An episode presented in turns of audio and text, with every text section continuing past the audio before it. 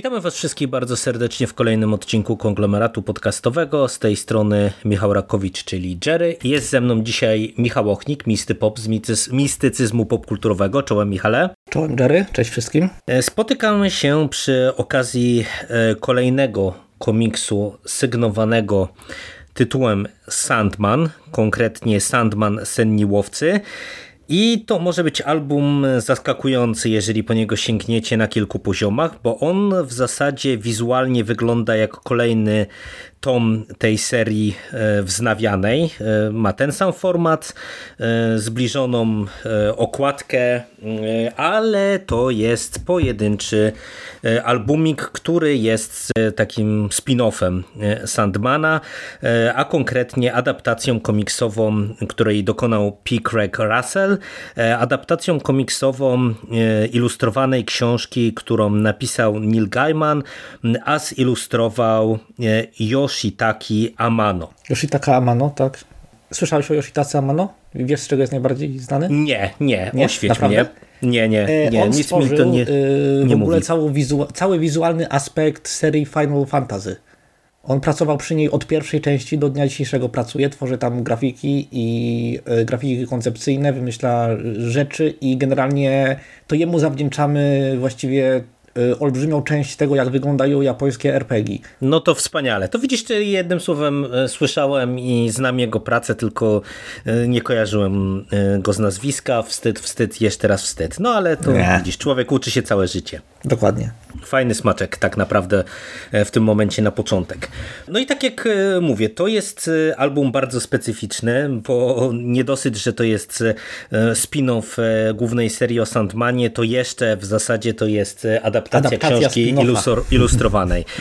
tak, także to jest naprawdę y, rzecz lekko dziwaczna, a tak naprawdę jeszcze dziwaczniejsza może się zdać, jeżeli e, przejdziemy do tego, czym ta historia jest, bo to jest y, opowieść, w której y, Gaiman imituje, tworzy japońską legendę. Nie wiem, czy to ma sens, ale no w zasadzie tym jest. Czy tym są Nocni Łowcy. E, to jest historia, e, która jest podana niczym właśnie jakaś japońska legenda, w którą na pewnym etapie zostaje wmieszany e, Władca Snów, czyli tytułowy Sandman, ale no to jest na tyle zmyślna adaptacja, czy na tyle tutaj Gaiman chyba dobrze emulował klimat japońskich legend i japońskich opowieści, że z tego, co można w posłowiach poczytać, to w zasadzie chyba niektórzy się na ten zabieg nabrali tak naprawdę. No to jest generalnie to, co Gaiman robi najlepiej, czyli bierze jakąś estetykę, y, jakoś ogólny taki mitologiczny aspekt, y, wybiera z niego elementy, które jemu najbardziej pasują i je bardzo interesująco przetwarza, jednocześnie y, głęboko mocując się w tym kulturowym fundamencie, ale też tworząc własną historię. I to, to widzieliśmy w wielu jego tych wczesnych y, rzeczach, nie? tych y, umieszczanych w y, tych tomach Sandmana, które stanowią antologię. Mhm. To mi się właśnie też bardzo podobało, że to no, dostajemy coś takiego, tylko że troszkę rozstrzelone i tym razem wyjątkowo według mnie, już tak troszkę przechodząc do moich ocen, to się udało, to wyszło. Ale to też może być kwestia tego, że to jest historia opowiedziana po raz drugi przez innego artystę. Tak, no to jest e, opowieść tak naprawdę króciutka, bo ona jest rozpisana bodajże na cztery mm, zeszyty, na, na kilka dosłownie rozdziałów. E, no i to jest taka w warstwie fabularnej bardzo esencjonalna opowieść e, o pewnym młodym mnichu, na którego parol tutaj zadzierają dwa takie właśnie japońskie jakieś ala duchy, lisica i inny y, zwierzak, y, o, o, który nie jest tak istotny tak naprawdę w mhm. całej tej opowieści, także Borsuka sobie tutaj pominiemy. Mm, no i na którymś etapie okazuje się, że lisica, mm, która jest taką lisicą właśnie z japońskich y, opowieści, która może e, przybierać postać kobiety, zakochuje się w mnichu, mm, który z kolei podpada pewnemu możnowładcy, jakiemuś tam lokalnemu bogaczowi, no i to uruchamia pewien ciąg zdarzeń, który doprowadza summa summarum do e, pewnych tragicznych wydarzeń, a e, finalnie dostajemy także mm, pewną puentę w postaci zemsty. E, no i powiedz, mówisz, że zadziałała ci ta historia.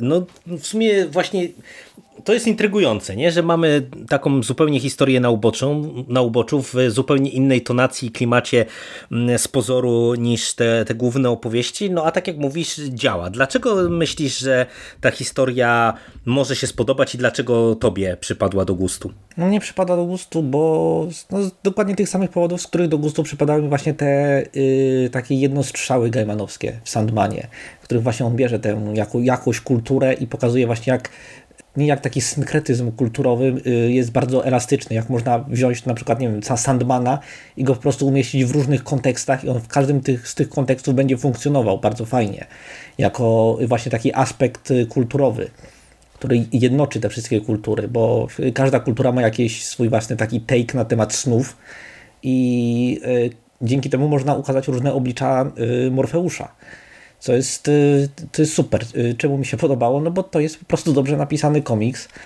E, historia, y, od razu mówię, nie czytałem tej książki. Znam tę historię właśnie tylko z tej adaptacji i według mnie to jest bardzo dobrze opowiedziana historia.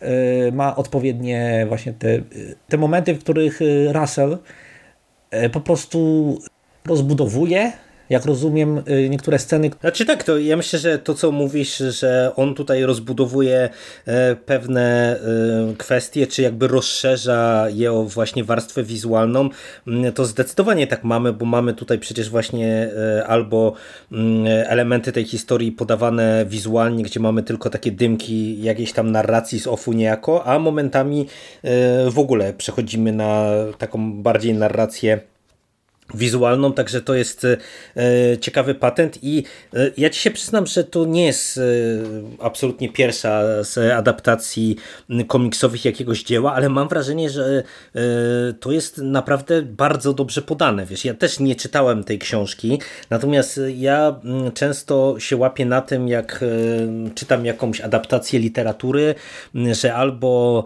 mamy do czynienia z pewną skrótowością i ja mam poczucie, że wiesz, oglądam tylko jakieś wyrywki z danej historii e, zilustrowane.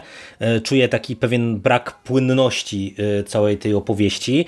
No być może tutaj tego nie ma, no bo to jest pewnie też krótka historia z tego, co, co z posłowia Gaimana wnoszę, ale druga kwestia to jest też to, że właśnie czasem twórcy nie do końca sobie radzą z dobrym prowadzeniem wizualnym danej, danej opowieści, a tutaj mam wrażenie, że Russell mm, wykazał się y, po prostu jakimś przejawem geniuszu, y, że zdecydował się zilustrować tę konkretną opowieść w tej konkretnej formie, no bo e, cała warstwa wizualna mm, e, tak naprawdę no, korzysta właśnie z dziedzictwa e, tej kultury japońskiej. On, ona imituje różnego rodzaju jakieś drzeworyty, które możemy z tej kultury japońskiej kojarzyć i prezentuje nam tutaj, nie wiem, formy różnego rodzaju potworów czy demonów, czy całej architektury właśnie tak jak możemy możemy ją spotykać w kulturze japońskiej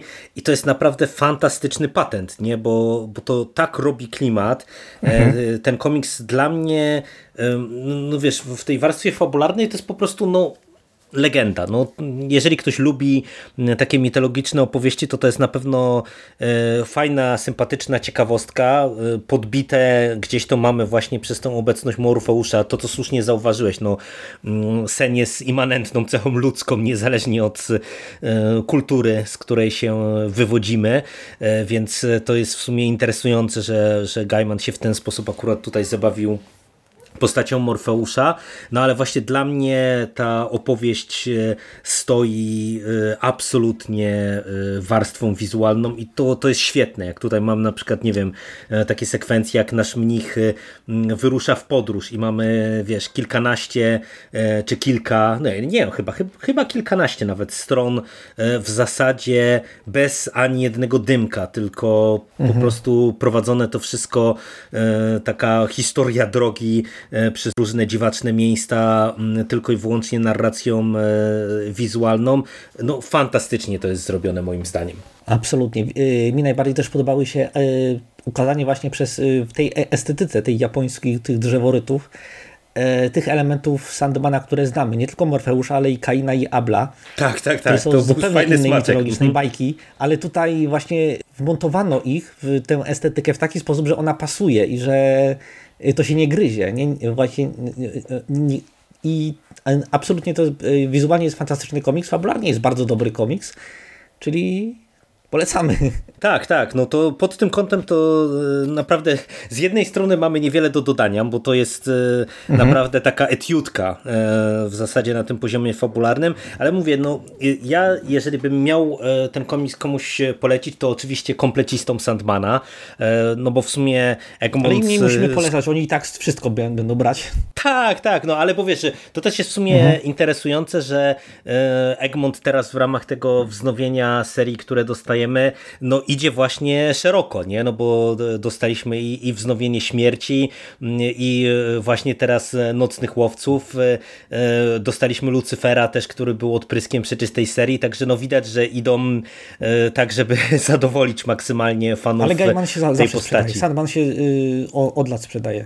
Tak, Nieustannie. tak. To jest pewnik wydawniczy w Polsce. Tak, ale właśnie jeżeli nawet ktoś nie jest e, fanem Sandmana, a właśnie lubi e, tego rodzaju jakieś tam mitologiczne, e, baśniowe klimaty, to ten komiks, on jest bardzo dobry właśnie moim zdaniem jako, jako komiks, jako medium wizualne, bo tutaj i ta kreska, ale nawet kolorystyka, bo wiesz, bo tutaj są fajne rozwiązania, jak na przykład to, że co mam wrażenie, że chyba jest rzadko stosowane, że Morfeusz jest tak na zielono rysowany, on jest raczej, wiesz, tą, tą czernią, nie? czy w tych odcieniach czerni, e, a tutaj e, ma tą, tę szatę z- w takich zielonych barwach, co jest też często ogrywane i mm, prezentowane w interesujący sposób z jakimiś takimi jakby płomieniami czy marzeniami sennymi, które e, z tej, tej jego szaty mm, wypływają. E, Także no, dla mnie to było mega przyjemne zaskoczenie, no bo no wiesz, no, nie wiedziałem czego się spodziewać. No od spin-off Sandmana, no ale,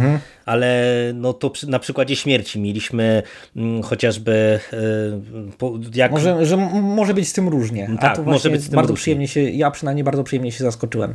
Ja tak samo. Bo to była w ogóle twoja pierwsza lektura, jeżeli chodzi o ten komiks, czy, czy miałeś z O nim ten wcześniej komiks absolutnie pierwszy raz. Nie, nigdy wcześniej nie miałem go w rękach. Do tej pory czytałem tylko kilka, y, wiesz, y, przed tym naszym cyklem czytałem tylko główną serię oraz kilka tych komiksów o śmierci. No, no to widzisz, to Egmontowi udało się nas tutaj wspólnie zaskoczyć mm, bardzo sympatycznym e, takim spin-offem całej głównej serii. E, No i w zasadzie no, nie będziemy przedłużać. To jest Absolutnie miniaturowy nie, podcast o, o miniaturowym e, e, fabularnie komiksie. Bardzo go polecamy, tak jak powiedziałeś, a pewnie spotkamy się wkrótce, aby porozmawiać nieco dłużej, no bo na horyzoncie panie łaskawe. Które są już tym finałem Sandmana. To Tak. już jest, to jest wielki finał. I Co prawda Sandman będzie miał jeszcze je- następny tom, ale on już jest epilogiem, więc y, Tak. szykujemy się już właśnie na to najmocniejsze uderzenie w całej serii. Tak, i tu myślę, że będziemy mieli o czym pogadać, bo e, ty już wiesz, jak to się kończy. Ja jestem bardzo ciekaw, e, jak e, ta podróż Morfeusza ostatecznie zostanie przez Gaimana sfinalizowana. Także cóż, słyszymy się, myślę, bardzo wkrótce, aby o tym tytule porozmawiać. Dokładnie. To cóż, dziękuję Ci bardzo, Michale, za rozmowę. Ja Tobie również, dziękuję naszym słuchaczom i słyszymy się oby już niedługo. Dokładnie tak. Trzymaj się, cześć. Cześć, cześć.